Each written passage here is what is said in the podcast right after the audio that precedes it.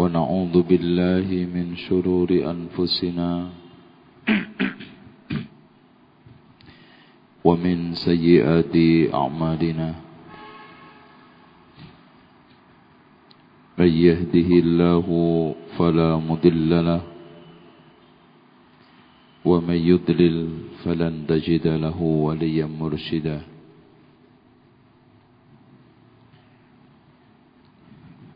أشهد أن لا إله إلا الله وحده لا شريك له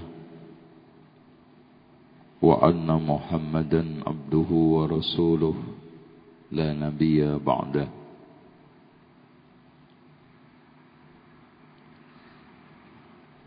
اللهم صل وسلم على محمد وعلى آل محمد كما صليت على إبراهيم وعلى آل إبراهيم إنك حميد مجيد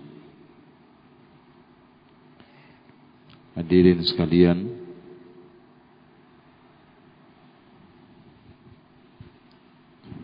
Sebelum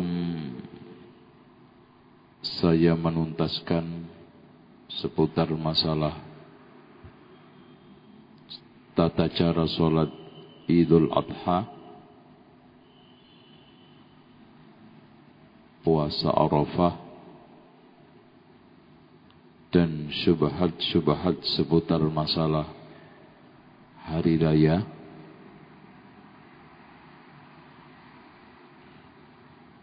Maka di sini saya akan sampaikan kenapa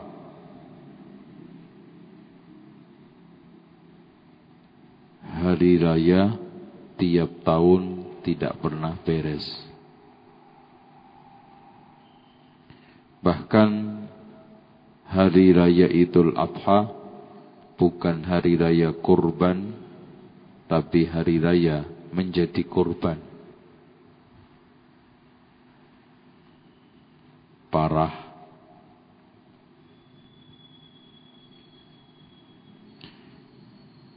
Saya tidak mencoba untuk menganalisa dari sisi politik karena saya bukan politikus.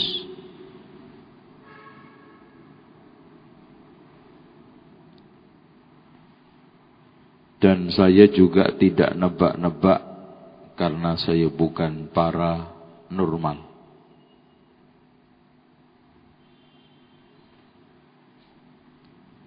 Tapi intinya ini semua terjadi karena kelemahan umat Islam. Mungkin ini pertanda umat Islam sudah tidak memiliki gairah untuk memperhatikan agamanya atau lebih cinta dunia, jabatan,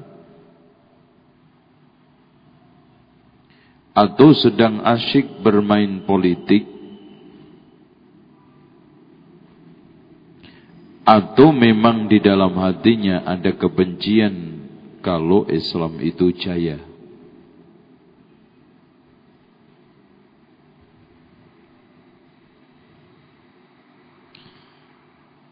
Memang hadirin sekalian,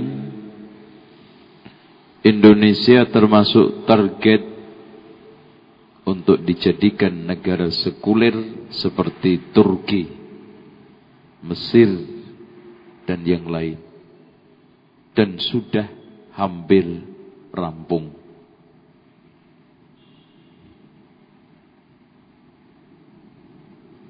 Artinya sekuler agama dienyahkan, diusir dari percaturan kehidupan. Pemerintahan dan hiruk pikuknya politik. Agama soal pribadi-pribadi dan hanya terfokus pada soal ritual monoton di tempat-tempat masjid.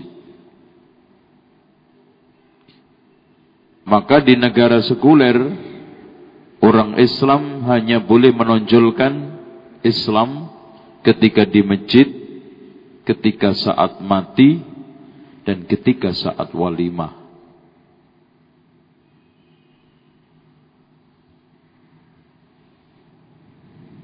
Selain itu, terserah. Kalau ingin formal, jangan.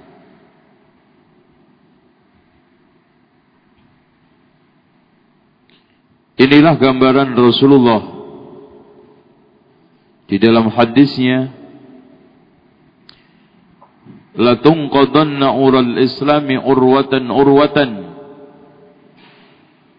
tali Islam akan terlepas seutas demi seutas kullaman taqadat urwatun tashabbathan nasu billati taliha Ketika lepas satu utas, orang pegang berikutnya. Wa awwaluha naqdan al-hukmu.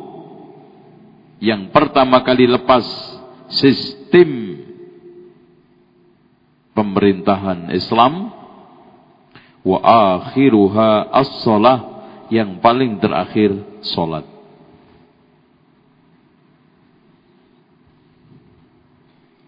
Dan ini bukan tanpa sebab. Datang begitu saja. Lepasnya sistem pemerintahan Islam. Diawali dengan tingkah laku umat Islam yang mentransfer, mencangkok, mengimpor sistem-sistem kufar dibuat mengganti sistem Islam. Yang sekarang ini sedang gemuk tumbuh yaitu demokrasi. Demokrasi menurut mbah saya sing gede digemui, sing kecil dikurusi. Menurut Abu Nawas, sistem dolim bareng-bareng adil. Menurut orang kafir, kufar barat, sistem pemerintahan dari rakyat untuk rakyat kembali kepada rakyat. Semua nggak ada yang benar. Intinya, saya ingin sampaikan dengan tulus, negara-negara demokrasi saat ini sudah mulai pelan-pelan meninggalkan demokrasi menuju Islam dan lucu negara Islam pelan-pelan meninggalkan Islam menuju demokrasi. Antum Amerika.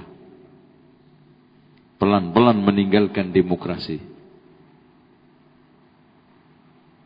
Terlihat partainya cuma dua Pemilihannya pun gak ribut. Sistem infansi pun islami. Kalau sudah Amir Khalifah memutuskan untuk menyerang, sudah nggak mempan demo, nggak mempan usulan, main serang.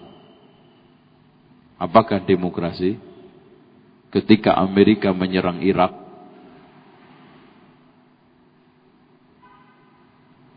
Apakah demokrasi Amerika ketika menyerang Afghanistan? Tidak. Jerman kita lihat sistem yang dikembangkan sudah mulai mencangkok nilai-nilai indahnya Islam. Oleh karena itu, Bujangga Barat mengatakan, Bujangga Islam mengatakan, Ali At-Tantawi, saya keliling di negara Barat menemukan Islam sedikit muslimnya. Dan saya keliling di negara Islam menemukan banyak muslim sedikit Islamnya. Bahkan tidak ada kecuali simbol-simbol yang tersisa di masjid-masjid saat-saat kematian dan walimah.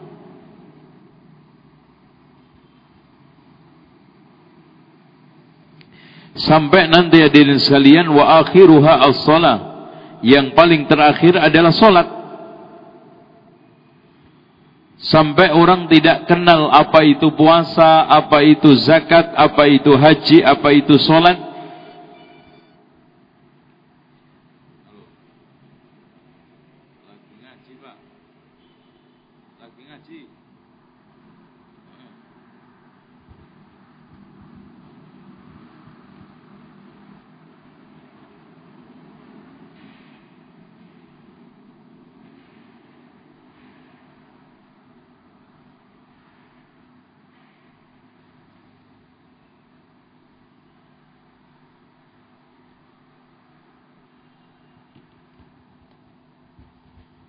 Hadirin sekalian,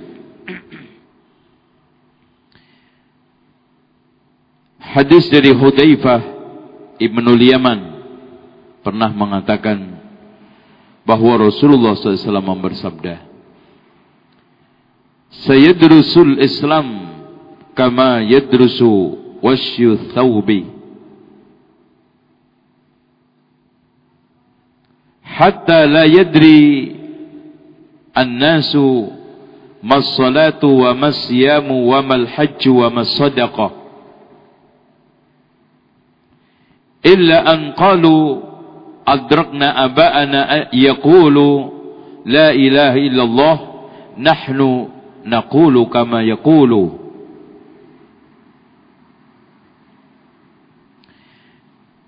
Islam akan punah seperti lunturnya batik dari pakaian.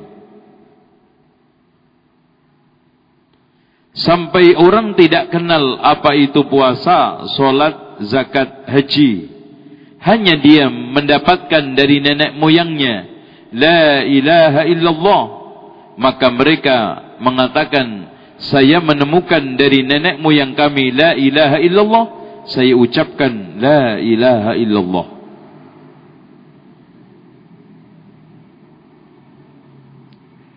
Sekarang sudah nampak sinyal-sinyalnya.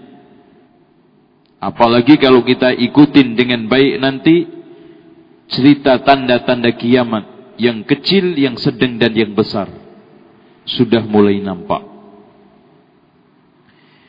Kebencian kebanyakan umat Islam terhadap agamanya sendiri menandai awal kepunahan agama dan syariat Islam. Kalau sudah dibenci, pasti tidak akan dipelajari. Kalau sudah tidak dipelajari, pasti akan terlupakan. Kalau terlupakan, lambat laun akan mengalami kepunahan. Seperti ajaran ahlul kitab.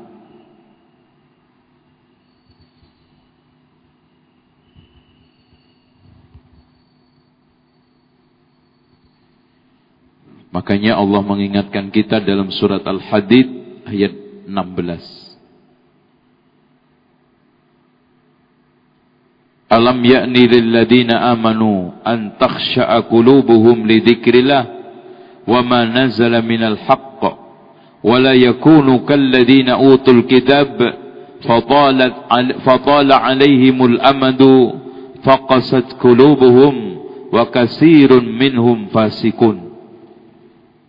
Yang artinya belumkah tiba saatnya bagi orang yang beriman untuk khusyuk hatinya terhadap zikir zikrullah dan untuk mengamalkan apa-apa yang diturunkan Allah kepada mereka yaitu Alkitab wa Sunnah.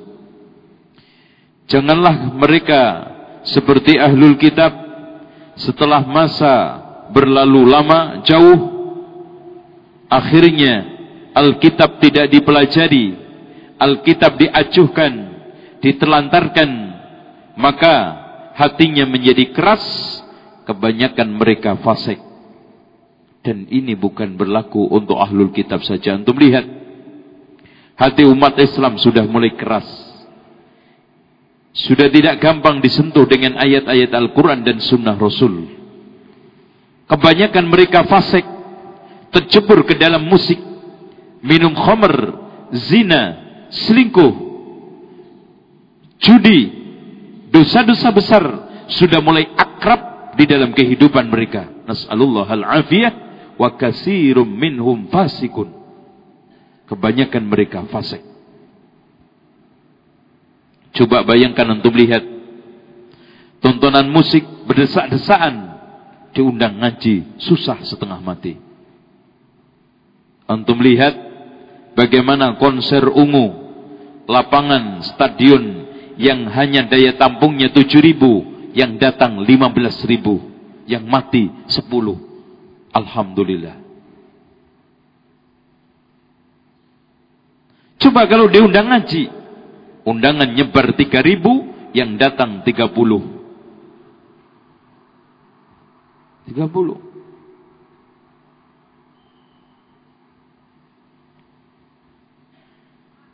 Itulah gambaran yang telah digambarkan oleh Allah di dalam surat Maryam fakhalafa min ba'dihim khalfun adaa'us salata wattaba'us syahawat fasawfa yalqauna ghayya. Mereka meninggalkan generasi-generasi yang menyanyiakan solat mengikuti syahwat dan akan menemui ghayyan yaitu curang dalam yang ada di dalam neraka jahanam. Hadirin sekalian, umat Islam sekarang ini sudah terlanjur jauh terjerembab ke dalam cinta syahwat. Antum lihat keseharian kerja, hidup untuk nurutin syahwat. Yang lebih lucu lagi ada sekalian, ngaji cuma seminggu sekali. Masih juga ogah-ogahan, absen, dan yang lainnya. Coba. Kalau kerja, absen seminggu aja mikir-mikir. Waduh. Kehilangan dunia, pusing tujuh keliling, kehilangan akhirat surga tidak menjadi masalah. Ini kita. Berapa ribu karyawan di sekitar sini untuk hadir menginjakkan kaki, padahal dekat sambil jalan sambil lewat mampir. Hidayah belum nyampe. Jalan hidup belum ditemukan. Alkitab menjadi terlantar. Sunnah tidak diindahkan hidup tenggelam syahwat dan dunia, antum lihat mereka seperti hewan. Seperti yang dikatakan oleh Rasulullah. Inna Allah yubghidu kulla ja'uriyin jawad. Allah benci orang yang dungu lagi kasar. Sakhabin bil aswak suka teriak-teriak di pasar. Dungu lagi kasar karena rendah ilmunya. Kenceng teriaknya di pasar karena rendah akhlaknya. Karena sudah gaduh, kalau ilmunya rendah, pasti akhlaknya kerdil. Karena akhlak tertempa karena tingginya ilmu. Akhirnya, Jifanin bil laili bangkai pada waktu malam hari, wahimarin bin nahar keledai di siang hari, alimin bi amri dunia sangat alim di dalam masalah urusan dunia wa jahilin bi amril akhirah, sangat jahil dalam urusan akhirat. Kenapa? Karena hidupnya ketakutan terhadap kenikmatan sesaatnya yang hilang. Hidup pusing mikirin dapur, pusing mikirin rumah, pusing mikirin cicilan, tapi tidak pernah pusing bagaimana saya tidak masuk surga. Memang kerjaan problem, pengangguran problem, kemiskinan problem. Tapi mas, tolong dijamkan. Permasalahan di atas permasalahan adalah orang celaka di akhirat. Kalau antum nanti insya Allah kita akan pelajari kitab akidah Abu Abul Hasan Al Ash'ari insya Allah selingannya tanda-tanda kiamat kita akan pelajari akidah Ash'ari. Akidah Abul Hasan Al-Ash'ari insyaallah. Kemarin kita sudah pelajari akidahnya Imam Syafi'i. Insyaallah kita akan pelajari akidahnya Abdul Hasan Al-Ash'ari. Insyaallah. Zaman beliau, zaman susah. Kekacauan juga terjadi di mana-mana. Maaf mas, ada dari Saudi mas.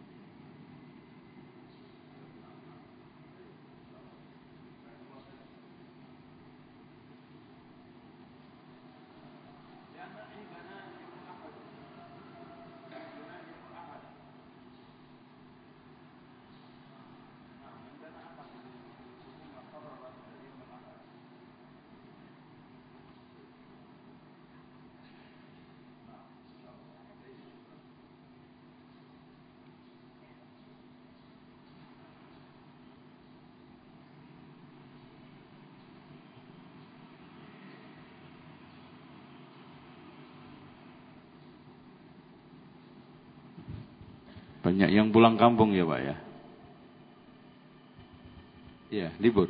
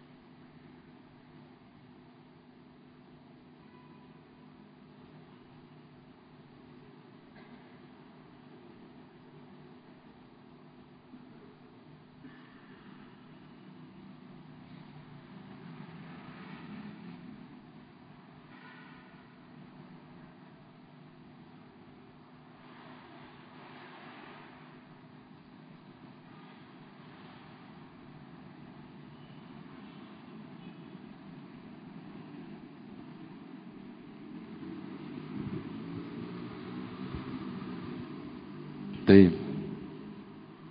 Kita lanjutkan.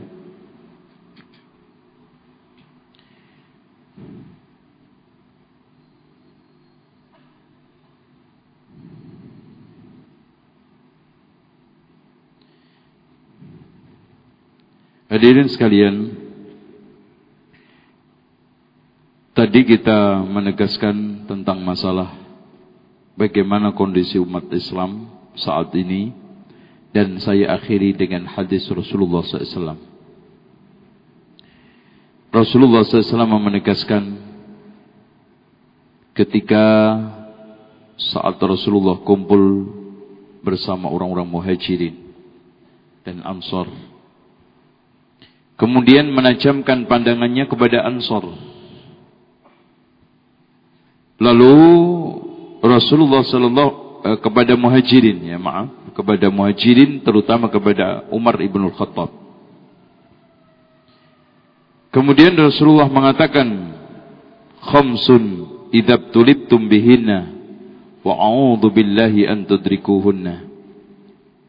Ada lima bencana yang akan menimpa umat ini, aku berlindung kepada Allah, semoga kalian tidak menemuinya. Rasulullah sallallahu alaihi wasallam mengatakan yang pertama, lam tadhuril fahishatu fi qaumin qad hatta yu'linu illa fasa fihim at-ta'un wal awja' allati lam takun madat fi aslafihim alladhina madaw Tidaklah terjadi kekejian berupa perzinaan merajalela di suatu negeri, kampung. Melainkan Allah akan menurunkan paceklik, eh, menurunkan wabah penyakit yang tidak pernah terjadi pada umat-umat dahulu. Ini pertama. Kemudian yang kedua, walam yamna'u zakata amwalihim illa muni'ul qatra minas sama' falawla al-bahaim lam yumtaru tidaklah mereka suka meng menghalangi zakat malnya melainkan Allah akan menghalangi hujan turun dari langit. Kalau bukan karena sayang sama hewan ternak Allah tidak akan bakal nurunkan hujan kepada mereka. Yang ketiganya walam yang kusul mikyala wal mizan illa ukhidu bisinin wa syiddatil ma'unah wa juris sultan. Tidaklah mereka suka ngurangin takaran dan timbangan atau nyunatin anggaran. Melainkan Allah akan menimpakan paceklik sulit hidup dan bobroknya penguasa alias pemimpin. Kemudian yang keempat walam yanqudu ahdallahi wa rasulih. Tidaklah mereka melanggar janji Allah janji Rasul. Illa sallallahu alaihim aduwan min ghairihim wa akhadu ba'da ma indahum. Allah akan menguasakan kepada mereka penjajah yang menguasai mereka lalu mengambil sebagian harta kekayaannya.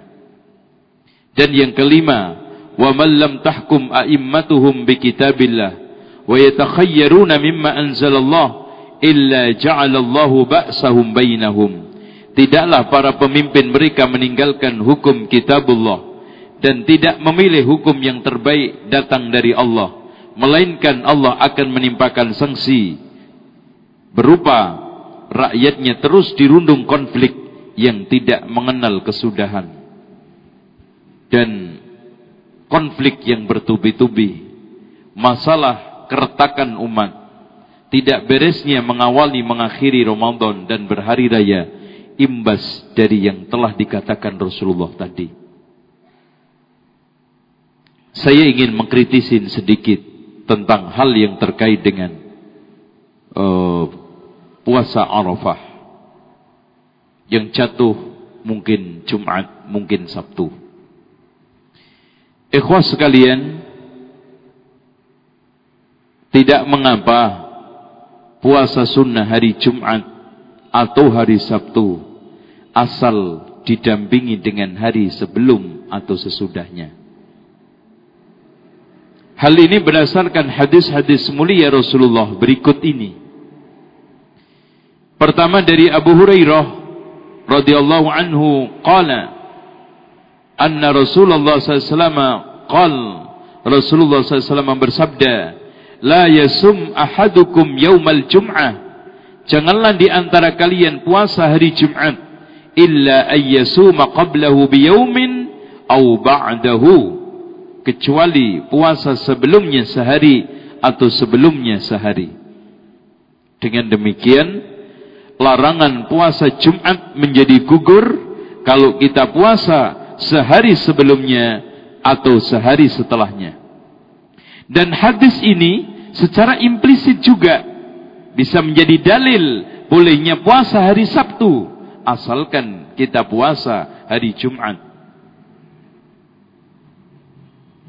Kalau sekarang sehari sebelum Jumat hari apa Mas? Setelah Jumat hari Sabtu. Kalau kita tidak terima hadis Juwairiyah sebagai hadis menasakh larangan puasa hari Sabtu, maka hadis Abu Hurairah tidak bisa ditolak. Tidak bisa ditolak, tidak bisa dibantah. Hadis ini sahih, disahihkan oleh Syekh Nasruddin Al-Albani. Adapun larangan puasa hari Sabtu Hadis ini juga diriwayatkan oleh Imam Abu Dawud. La tasumu yawmas sabti illa fi mafturida alaikum. Janganlah puasa kalian puasa hari Sabtu kecuali yang telah diwajibkan atas kalian. Hadis ini dikatakan oleh Imam Abu Dawud mansukhun dinasakh oleh hadis Juwairiyah bintil Haris salah seorang istri Rasulullah. Ceritanya begini. Pernah Rasulullah masuk ke rumah Juwairiyah hari Sabtu. Menemui Juwairiyah dalam keadaan puasa. Menemui Juwairiyah dalam keadaan puasa hari Sabtu. Faqala maka Rasul bertanya asumti amsi apakah kamu puasa kemarin? Qalat la, tidak. Qala aturidina an tasumi ghadan? Apakah kamu ingin puasa besok?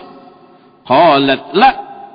Qala Rasulullah mengatakan, aftiri kalau begitu bukalah.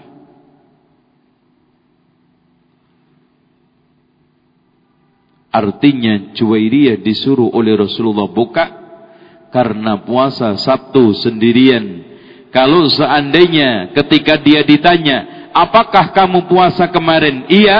Atau apakah kamu besok puasa? Iya. Maka Rasulullah enggak nyuruh untuk buka. Dengan demikian, puasa hari Sabtu, larangan menjadi gugur dan tidak berlaku kalau didampingin sebelum dan sesudahnya. Sebelum hari Sabtu apa mas? Setelahnya? Setelahnya? hari Ahad.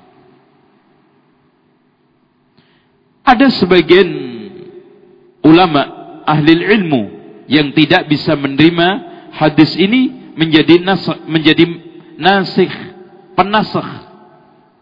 Karena pertama hadis larangan Sabtu merupakan hadis larangan yang kuat yang jelas sementara hadis Juwairiyah hanya sekedar saran. Larangan tidak bisa dikalahkan dengan saran. Kita bantah. Kalau anda tidak menerima hadis Juwairiyah sebagai hadis penasakh, hadis larangan Sabtu, maka cukup tadi hadis Abu Hurairah untuk menjadi penjelas Rasul ketika melarang puasa hari Sabtu menjadi boleh ketika sehari sebelumnya, sehari setelahnya. Sebelumnya hari Kamis, setelahnya hari Sabtu. Ini nggak bisa ditolak lagi. Kamu bisa punya alasan untuk menolak hadis Juwairiyah, tapi tidak akan bisa kuat untuk menolak hadis Abu Hurairah yang Rasulullah mengatakan janganlah kalian puasa hari Jumat kecuali sebelumnya sehari atau sesudahnya sehari. Sesudahnya hari apa? Berarti boleh puasa hari Sabtu asal digandeng dengan hari Jumat. Dan Jumat boleh puasa asal digandeng dengan Sabtu. Oh kan selesai, udah. Gak ada masalah. Makanya mas, ini metode cara memahami hadis. Bila kita mendapatkan hadis yang nampaknya satu dengan yang lainnya saling pertentangan. Padahal hadis itu satu konteks. Maka langkah yang pertama adalah kita gabungkan. Kita rangkai. Kita rangkum. Kita simpulkan dalam satu kesimpulan. Kalau memang tidak bisa kita cari sejarah nasakhnya. Kalau tidak bisa. Pasti salah satunya ada yang do'ib. Gak mungkin gak. Sementara tiga hadis tadi yang nampaknya bertentangan bisa kita gabungkan, bisa kita himpun hadis-hadis yang menjelaskan tentang larangan Jumat puasa bila sendirian kalau didampingi sebelum sesudahnya dibolehkan. Hadis-hadis yang menunjukkan larangan puasa hari Sabtu itu kalau sendirian, kalau didampingin sebelum sesudahnya menjadi tidak dilarang. Namun karena sesudahnya Arafah tidak boleh puasa, maka kita hati-hati kita dampingin sehari sebelum Jumat yaitu Kamis hari ini. Ada lagi saya ingin sekalian mengklirkan. Ada orang yang menyibirkan Syekh, Syekh Salim terhadap Rasulullah mengakikai dirinya setelah dewasa. Apa itu hadis dhaif? Bid'ah mengakikai sudah besar. Ikhwan, tolong jangan tergesa-gesa. Hati-hati fonis terhadap suatu hadis. Saya ingin jelaskan alasan Syekh Salim menghasankan hadis ini. Bunyi teknya dari Anas bin Malik. Anna Nabiya sallallahu alaihi wasallam sesungguhnya Nabi Muhammad sallallahu alaihi wasallam an nafsihi mengakikai dirinya ba'dama bu'isa bin nubuwah setelah diangkat menjadi nabi. Berarti lebih dari umur berapa Mas? 40 tahun. Hadis ini diriwayatkan dari Anas bin Malik dikeluarkan oleh Imam Al-Baihaqi di dalam As-Sunanul Kubra dan dikeluarkan oleh Imam Al-Khallal di dalam kitab As-Sunnahnya yang memberikan makna Rasul mengakikai dirinya setelah menjadi nabi. Mas, hadis ini diriwayatkan dari dua jalur. Jalur yang pertama yang dikeluarkan oleh Imam Al-Baihaqi dari Abdul Razak dari Abdullah ibnu Muharrar dari Qadadah dari Anas dengan sanad yang matruk alias status dhaif yang paling rendah. Paling berat maksudnya paling bawah matruk. Kenapa? Karena Abdullah ibnu Muharrar adalah perawi matruk dikarenakan hadis ini. Karena dia telah menyelisihi hadis yang dianggap lebih sahih di dalam riwayat-riwayatnya sehingga katanya Imam Abdul Razak dia dinyatakan matruk oleh ulama karena periwayatan hadis ini. Namun tolong dicamkan takhrij bukan penetapan darajatul hadis masih ada jalur lagi hadis ini.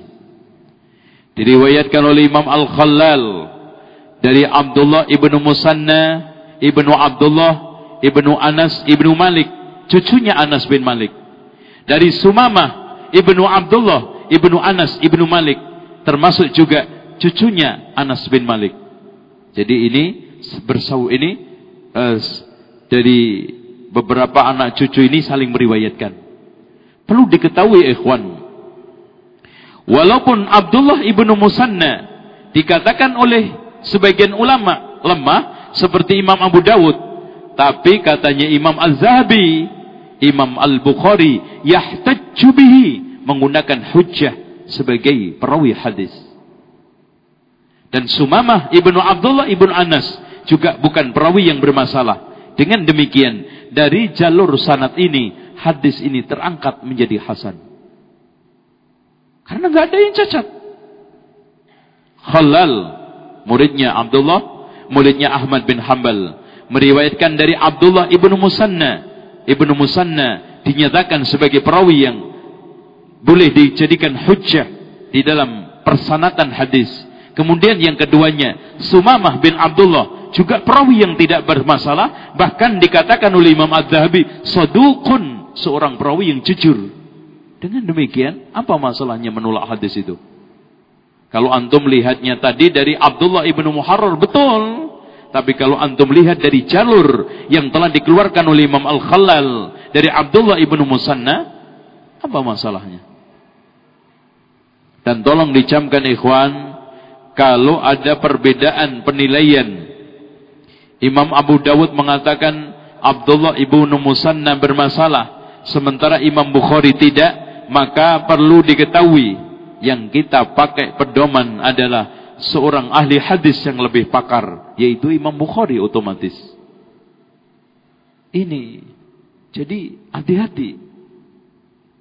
Oleh karena itu masalah ini terkait dengan hadis-hadis yang telah kita sampaikan tadi dan disampaikan oleh ulama-ulama bahwa hadis ini tidak bermasalah. Bahkan tolong dicamkan Sumama ibnu Abdullah ibnu Anas ibnu Malik dinyatakan oleh Imam Al-Hafidh ibnu Hajar di dalam kitab Taqribut Tahdzib dia adalah seorang perawi yang sodukun jujur juga. Soduk berarti di sini diriwayatkan dari Khalal, dari Abdullah ibnu Musanna, dari Sumamah, dari bapaknya, dari Anas ibnu Malik kakeknya. Rasulullah sallallahu alaihi wasallam mengakikai dirinya ketika setelah diutus menjadi nabi. Wallahu a'lam bishawab. Dengan demikian mudah-mudahan menjadi clear permasalahan seputar hal-hal yang terkait dengan hadis-hadis yang mungkin selama ini menjadi polemik dan mudah-mudahan e, tidak ada masalah. Tentang masalah hari pelaksanaan sholat singkat saja karena sholatnya ini terjadi kacau balau. Maka saya tidak banyak bisa menyampaikan sunnah-sunnah.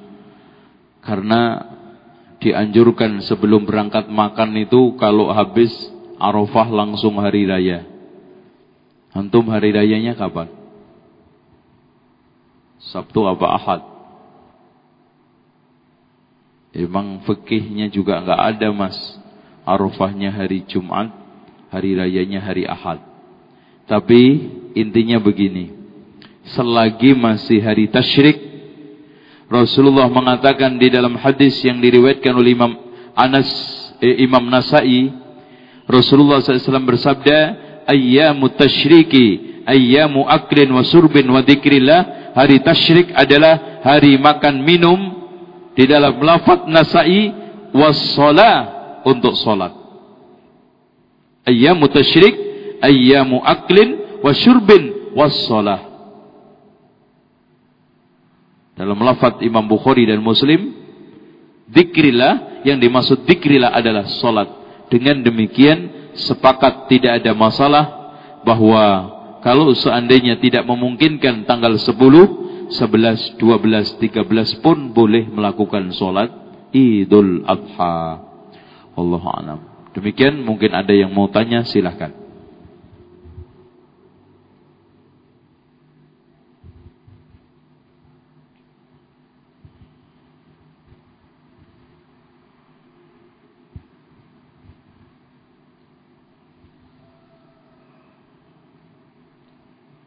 Apa saja yang dibaca setelah wirid, setelah solat yang sesuai dengan tuntunan baginda Muhammad. Tolong dicamkan ikhwan. wirid yang telah diajarkan oleh Rasulullah sudah jelas. Yang pertama setelah insiraf kalau imam mencong ke kanannya sambil membaca astaghfirullah astaghfirullah astaghfirullah. Gak usah ditambahi macam-macam. Karena Imam Al-Auza'i ketika ditanya bagaimana istighfar setelah solat diturunkan dalam Sahih Muslim astaghfirullah astaghfirullah astaghfirullah makanya enggak benar astaghfirullahaladzim apalagi ditambahi astaghfirullahaladzim alladzi la ilaha illa huwal hayyul qayyum wa atubu ilaih untuk istighfar luar solat boleh. Tapi kalau solat ini karena bangunannya sallu kama ra'aitumuni usolli maka enggak boleh ngotak-ngatik kita. Sallu kama ra'aitumuni usolli Kemudian setelah itu Allahumma antas salam wa minkas salam tabarakta ya dzal jalali wal ikram. Lalu dilanjutkan dengan la ilaha illallah wahdahu la syarikalah lahul mulku wa lahul hamdu wa huwa ala kulli syai'in qadir. Allahumma la mani alima ataita wa la mu'ti lima mana'ta wa la yanfa'u dzal jadd minkal jadd kecuali maghrib dan sebuluh sub, mag, eh, subuh sama maghrib sepuluh kali la ilaha illallah wahdahu la syarikalah. Di sana ada tambahan lagi eh, apa bisa kita baca di dalam dikir-dikir setelah solat kitab-kitab yang dijual di banyak toko-toko buku di sana lengkap.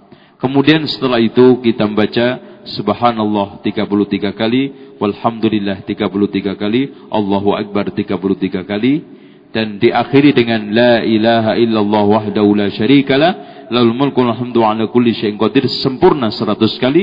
Setelah itu membaca ayat kursi. Lalu kulhu sekali kul a'udzu falak sekali kul a'udzu birabbin sekali. Kecuali subuh sama maghrib tiga kali tiga kali tiga kali. Sudah selesai. Tidak ada panjang lebar. Apa doanya yang paling dianjurkan oleh Nabi? Mengangkat tangan atau tidak? Lihat dulu.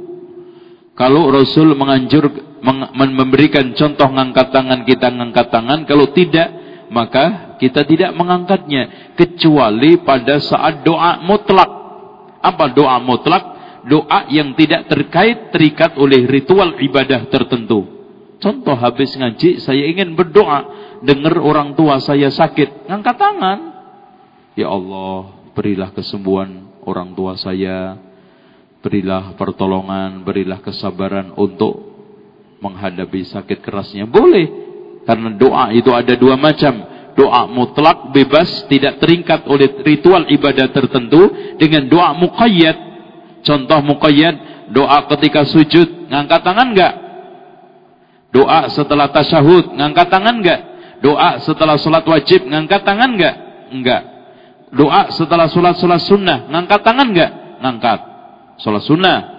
Doa antara azan dan komat. Ngangkat tangan enggak? Ngangkat tangan. Doa pada saat istisqa. Ngangkat tangan enggak? Ngangkat tangan. Doa pada saat uh, kunut nazilah. Ngangkat tangan enggak? Rasulullah mengangkat tangan. Dengan demikian, kalau muqayyad antum lihat Rasul. Ngangkat tangan kita angkat. Kalau Rasul tidak, maka sebaiknya tidak mengangkat tangan bahkan kalau dilazimkan akan kecebur ke dalam kebid'ahan sehingga Syekh Abdul Aziz Ibnu Bas mengatakan doa mengangkat tangan setelah solat lima waktu adalah bid'ah. Antum bisa dapatin fatwa ini di dalam kitab yang sudah saya terjemahkan judulnya kesalahan-kesalahan di dalam berdoa. Insyaallah di sana diturunkan kalau nggak salah di halaman 72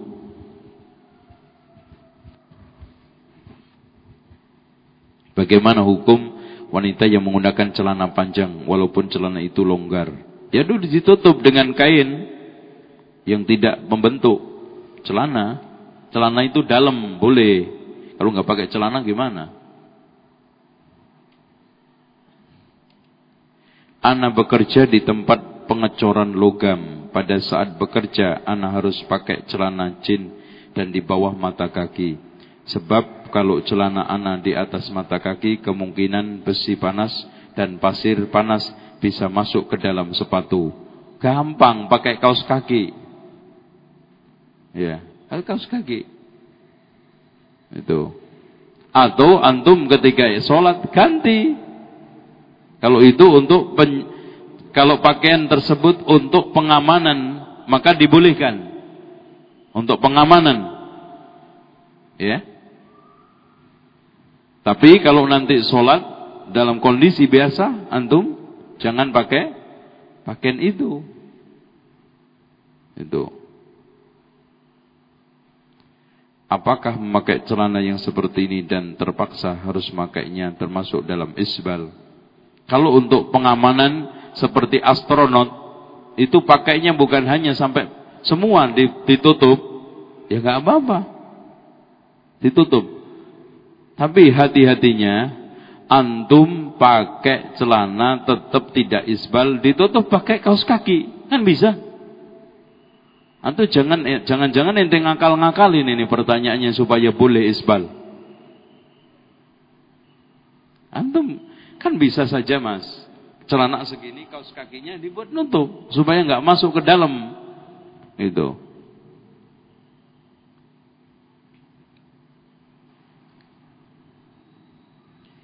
Ustaz bagaimana cara kita ngajak ngaji kepada teman yang benci sama jenggot dan pakai musbil? Aduh Iki repot ini mas. Aduh. Emang susah. Ini caranya mas. Antum benci jenggot itu alasannya apa? Yesus saja jenggotan. Antum katain gitu Yesus jenggotan. Satu. Kemudian setelah itu antum katakan kepada mereka-mereka yang selama ini mungkin benci. Sudah belum antum klarifikasi mencoba untuk mencari kepastian. Sebetulnya Anda mendapatkan informasi miring ini sudah dicek-recek belum? Udahlah dicoba dulu ngaji, baru setelah itu menilai. Jangan menilai tanpa dasar ilmu, nanti akan cacat penilaiannya. Hadir dulu, baru setelah itu menilai. Akan membuat suatu penilaian yang akurat. Terus yang penting caranya secara global diajak dialog, didekatin sampai dia cair, faham, insya Allah lambat laun akan dibukakan oleh Allah ikut ngaji. Dan, dan juga antum cairkan subahat-subahat ini. Dengan antum jelaskan, jenggot itu perintah Rasulullah. Bukan mengada-ada ciri khas organisasi tertentu, jaringan intelijen tertentu, tidak. Ini perintah Rasul, ini adalah sunnah Rasul. Kalau nggak percaya, lihat Yesus saja kan juga jenggotan. Karena Yesus itu aslinya nabi dan sejelek-jeleknya orang Kristen nggak berani gambar Yesus tanpa jenggot. nggak berani. Ah, udah deh. Kue benci sama orang-orang jenggotan. Yesus kue gambar kagak ada jenggotnya. nggak berani dia. nggak berani. Ini. Isbal. nggak usah jauh-jauh. Baca ada di dalam kitab Riyadus Solihin. Dijelaskan. Kitab yang paling populer di kalangan semua kalangan Orang termasuk orang-orang pesantren tahu di dalam kitabul libas bab tata cara etika berpakaian dibahas di sana. Itu saya mau tanya bagaimana mengatasi dan kiat-kiatnya untuk orang yang sering tidur lagi setelah sholat subuh. Wah, ini kiatnya antum jangan tidur kemalaman. Dan habis pagi antum kerja ngangkut kedelai sekarung. Habis subuh. Insya Allah nggak tidur. Kebangetan juga kalau tidur. Pokoknya gini aja mas. Kalau antum tidak punya kebiasaan begadang malam. Habis subuh inti punya kerjaan nggak bakal ngantuk. Minimal nyapu-nyapu rumah. Kalau enggak ngetik, kalau enggak jalan-jalan. Minimal ente nongkrong aja di depan rumah, kagak bakal ngantuk. Itu tapi nanti ngantuk diperangi terus. Tapi kalau antum kerjanya begadang terus susah untuk diperangi. Dan nggak ada masalah tidur setelah subuh kalau memang antum perlu. Tapi jangan dijadikan kebiasaan. Bagaimana hukumnya? Tapi mendingan tidur setelah subuh daripada nggak sholat subuh berjamaah gitu loh. Jangan terus nanti mempertahankan ah anak biar kagak tidur setelah subuh kalau gitu udah deh subuhnya terakhir-akhir aja. Ya ini nggak bener itu. Itu namanya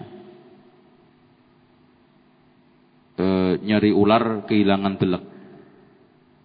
Bagaimana hukumnya rambut yang menutupin kening pada saat sujud dalam sholat? Enggak apa-apa. Bagaimana hukumnya menggunakan peci? Hadirin sekalian, menggunakan peci ketika sholat masuk ke dalam umumnya perintah Allah, khudu zinatakum inda kulli masjidin, ambillah perhiasanmu ketika saat masuk masjid. Walaupun bukan sampai pada tingkatan kalau nggak pakai peci dilarang, itu enggak. Sehingga antum kalau nggak pakai peci, sholat tetap, ya ah anak nggak pakai peci deh, kagak jadi sholat tuh. Dasar kuntilanak. Apakah kayu siwak termasuk sunnah? Iya. Walaupun udah ada sikat, tetap kayu siwak itu kita pakai sunnah. Di manakah posisi tangan baik pada saat sholat? Tangan yang baik pada saat sholat. Maksudnya? Gimana sih mas? Manakah yang lebih baik pada saat tahiyatul akhir? Jadi telunjuk digerakkan atau diam. Yang sunnah digerakkan.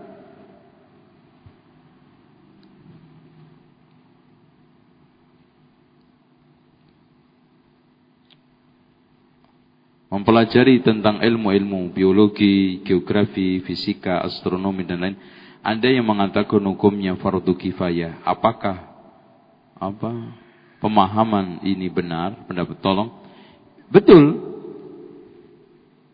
Karena ini termasuk ilmu-ilmu yang sekarang sudah menjadi keharusan wujudnya di tengah di tengah umat. Kalau umat tidak ada satupun yang paham, maka salah satunya menjadi wajib, maka hukumnya fardu kifayah. Seperti biologi, geografi, fisika, astronomi. Berdasar berdosakah jika kita bodoh tentang ilmu? Ya kalau bodoh semua, eh kalau nggak ada semua bodoh kolek ini dosa kolektif. Semua kena. Makanya harus ada usaha.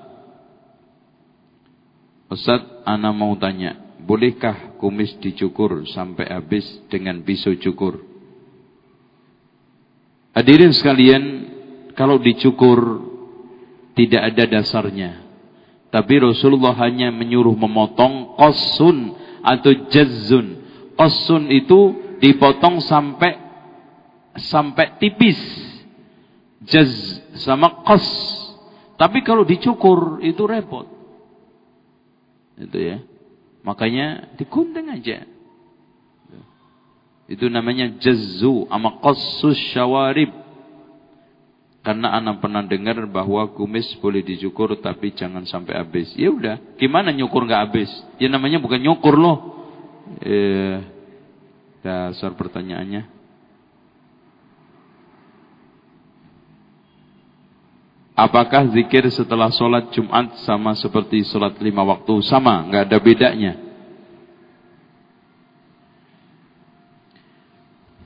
Bagaimana hukumnya bila sholat berjamaah bila makmum perempuan berada di tempat yang agak terpisah dengan masjid atau terpisah dengan imam dan makmum laki-laki. Ya memang harus begitu. Kalau im, makmumnya cuma dua, laki-lakinya di samping mana? Kanan imam, perempuannya di belakang. Itu kalau dua, laki satu, perempuan satu. Tapi kalau sekarang lakinya dua, laki-laki di belakang imam seperti sob biasa, perempuannya di belakang. Jangan di samping. Itu. Nanti nggak jadi sholat. Itu. Apalagi yang lebih lucu, jaringan Islam liberal membolehkan imam perempuan gimana sholatnya kita. Itu coba lagi sujud, apa yang kita rasakan? Kan gitu.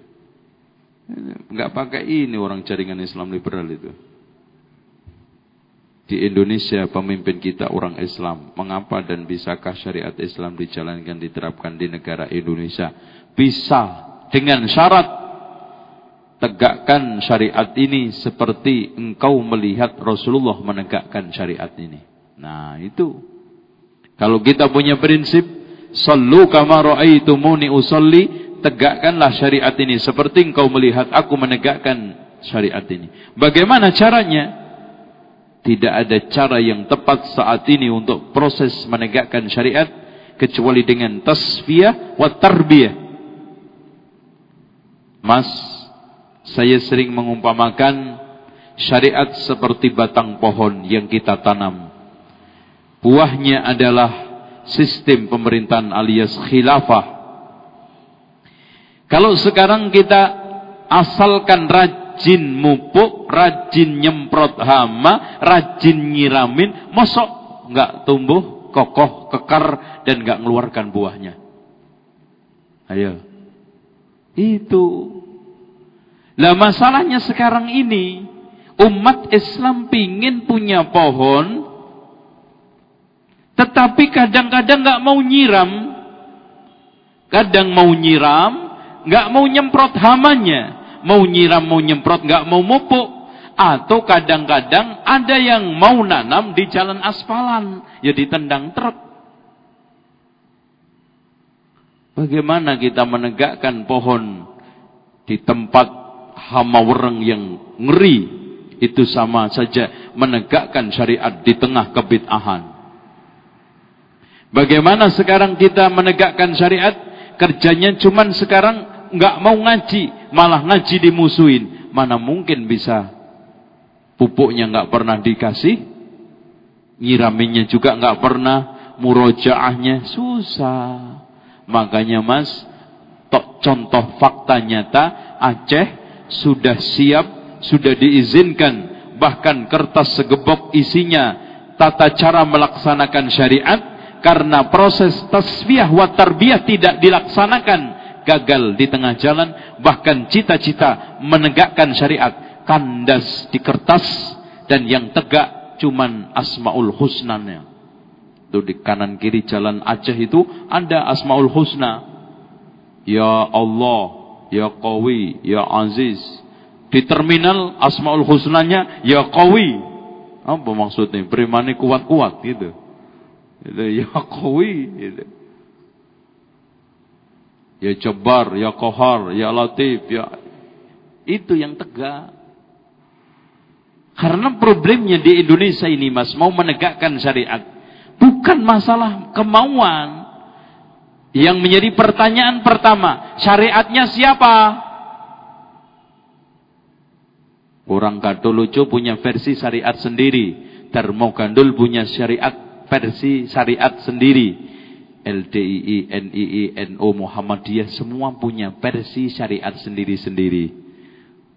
Bahkan Pak, menurut konotasi orang Aceh yang namanya tegak syariat itu pegawai negeri diterima tesnya baca yasin ama tahlil. Loh kan syariat itu. Ya ini harus tegak. Nah kan repot ini. Ada yang mengartikan syariat cuma empat apa tiga itu. Potong tangan, kisos. Potong tangan pencuri, kisos. Terus kemudian rajam. Setelah itu apa lagi? Itu dok. Ya kalau ini syariat Ya rugi banget kita. Emang syariat cuman itu tok.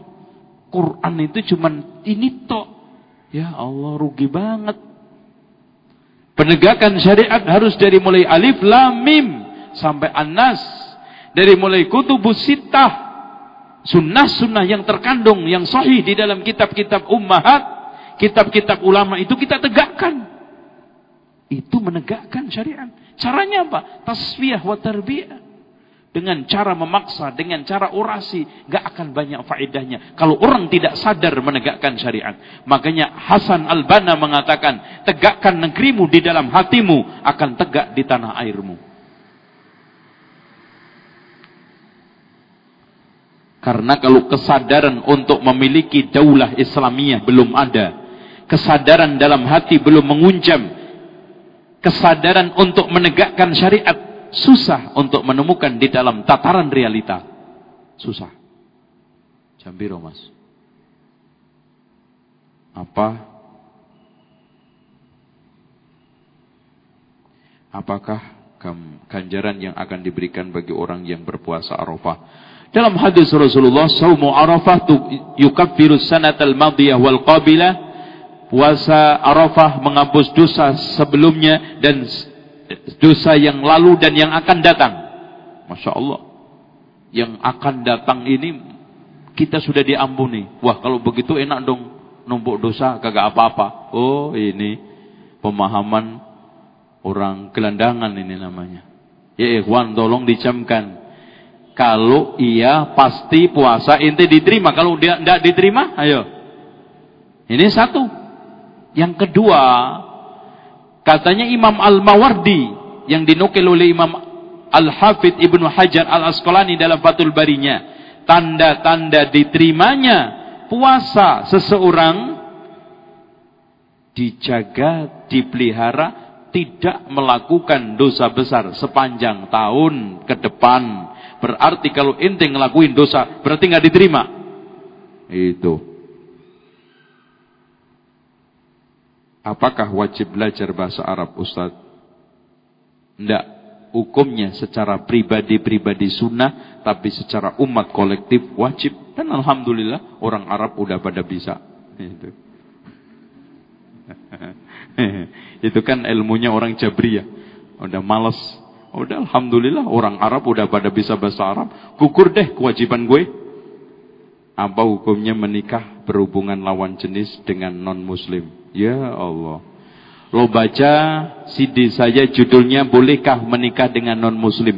Intinya muslim non muslim nggak boleh saling menikah laki dan perempuan kecuali satu muslim laki-laki nikah dengan ahlul kitab Yahudi Nasrani perempuan boleh dengan syarat agamanya kuat ilmunya cukup dan si perempuannya menjaga kehormatan dan harga diri bukan perumpahan murahan dan gelandangan serta perempuan lebes Bukan. Makanya Umar bin Khattab melarangnya dikarenakan khawatir nanti orang Islam sembarangan nikah ahlul kitab. Yang penting ahlul kitab kagak peduli mau pelacur mau bukan pelacur. Nah ini yang gak boleh. Dan saya ingatkan antum, ilmu antum cekak, imannya lemah. Akhwat aja banyak kok yang nganggur stok. Ngapain lo kurang kerjaan nikah non muslim? Ya Allah. Mikir dong. Akikah dibarengkan kurban boleh tidak? Nggak boleh. Bakhil ini namanya. Kalau kambingnya akikah sendiri, kurban sendiri, bareng karena memang kebetulan anak saya lahir ketujuhnya pas kurban, ya nggak apa-apa. Tapi sendiri-sendiri. Tapi kalau sekarang cuman eh, satu-satu, nggak bisa. Kamis Jumat puasa apakah Sabtunya boleh puasa lagi? Kamis dan Jumat puasa. Apakah Sabtunya boleh puasa? Udah nggak boleh ya. Sabtu sudah nggak boleh puasa. Terakhir, ana sahurnya pas adzan subuh karena kes nggak apa-apa. Karena dalam hadis Rasulullah puasa Ramadan ini mas, ketika Rasulullah SAW mengomentari tentang hal ini, idza sami'a ahadukum an-nida' wal ina'u fi yadihi fala hatta yaqdiya hajatahu minhu. Jika di antara kalian dengar azan subuh sementara wadah masih di mak wadah makanan minuman masih di tangannya jangan diletakkan sebelum dihabisin. Tapi jangan baru azan eh, sudah azan baru ngambil makanan. Itu baru mulai itu gak ada sunahnya. Malah komat ngambil piring. Ya Allah Allah. Ya. Demikian insyaallah kita Ikhwan saya ingatkan sebelum saya tutup eh, barang siapa yang ingin infak ke Yayasan Islamic Center 10 ribu minimal saya kasih VCD ini insya Allah. Isi dua keping, judulnya kelemahan umat Islam. Ini memang betul-betul lemah, suaranya pun ini lemah. Ya, makanya kita kulirkan melalui infak sehingga barang siapa infak 10 sampai 10 juta nggak terbatas kita kasih satu. Demikian Wassalamualaikum warahmatullahi wabarakatuh. Insya Allah kita nggak ngaji syarhus sunnah ya. nggak jadi ngaji syarhus sunnah. Jadi selingannya tanda-tanda kiamat akidah Imam Ash'ari. Ya, akidah Imam Ash'ari. Assalamualaikum warahmatullahi wabarakatuh.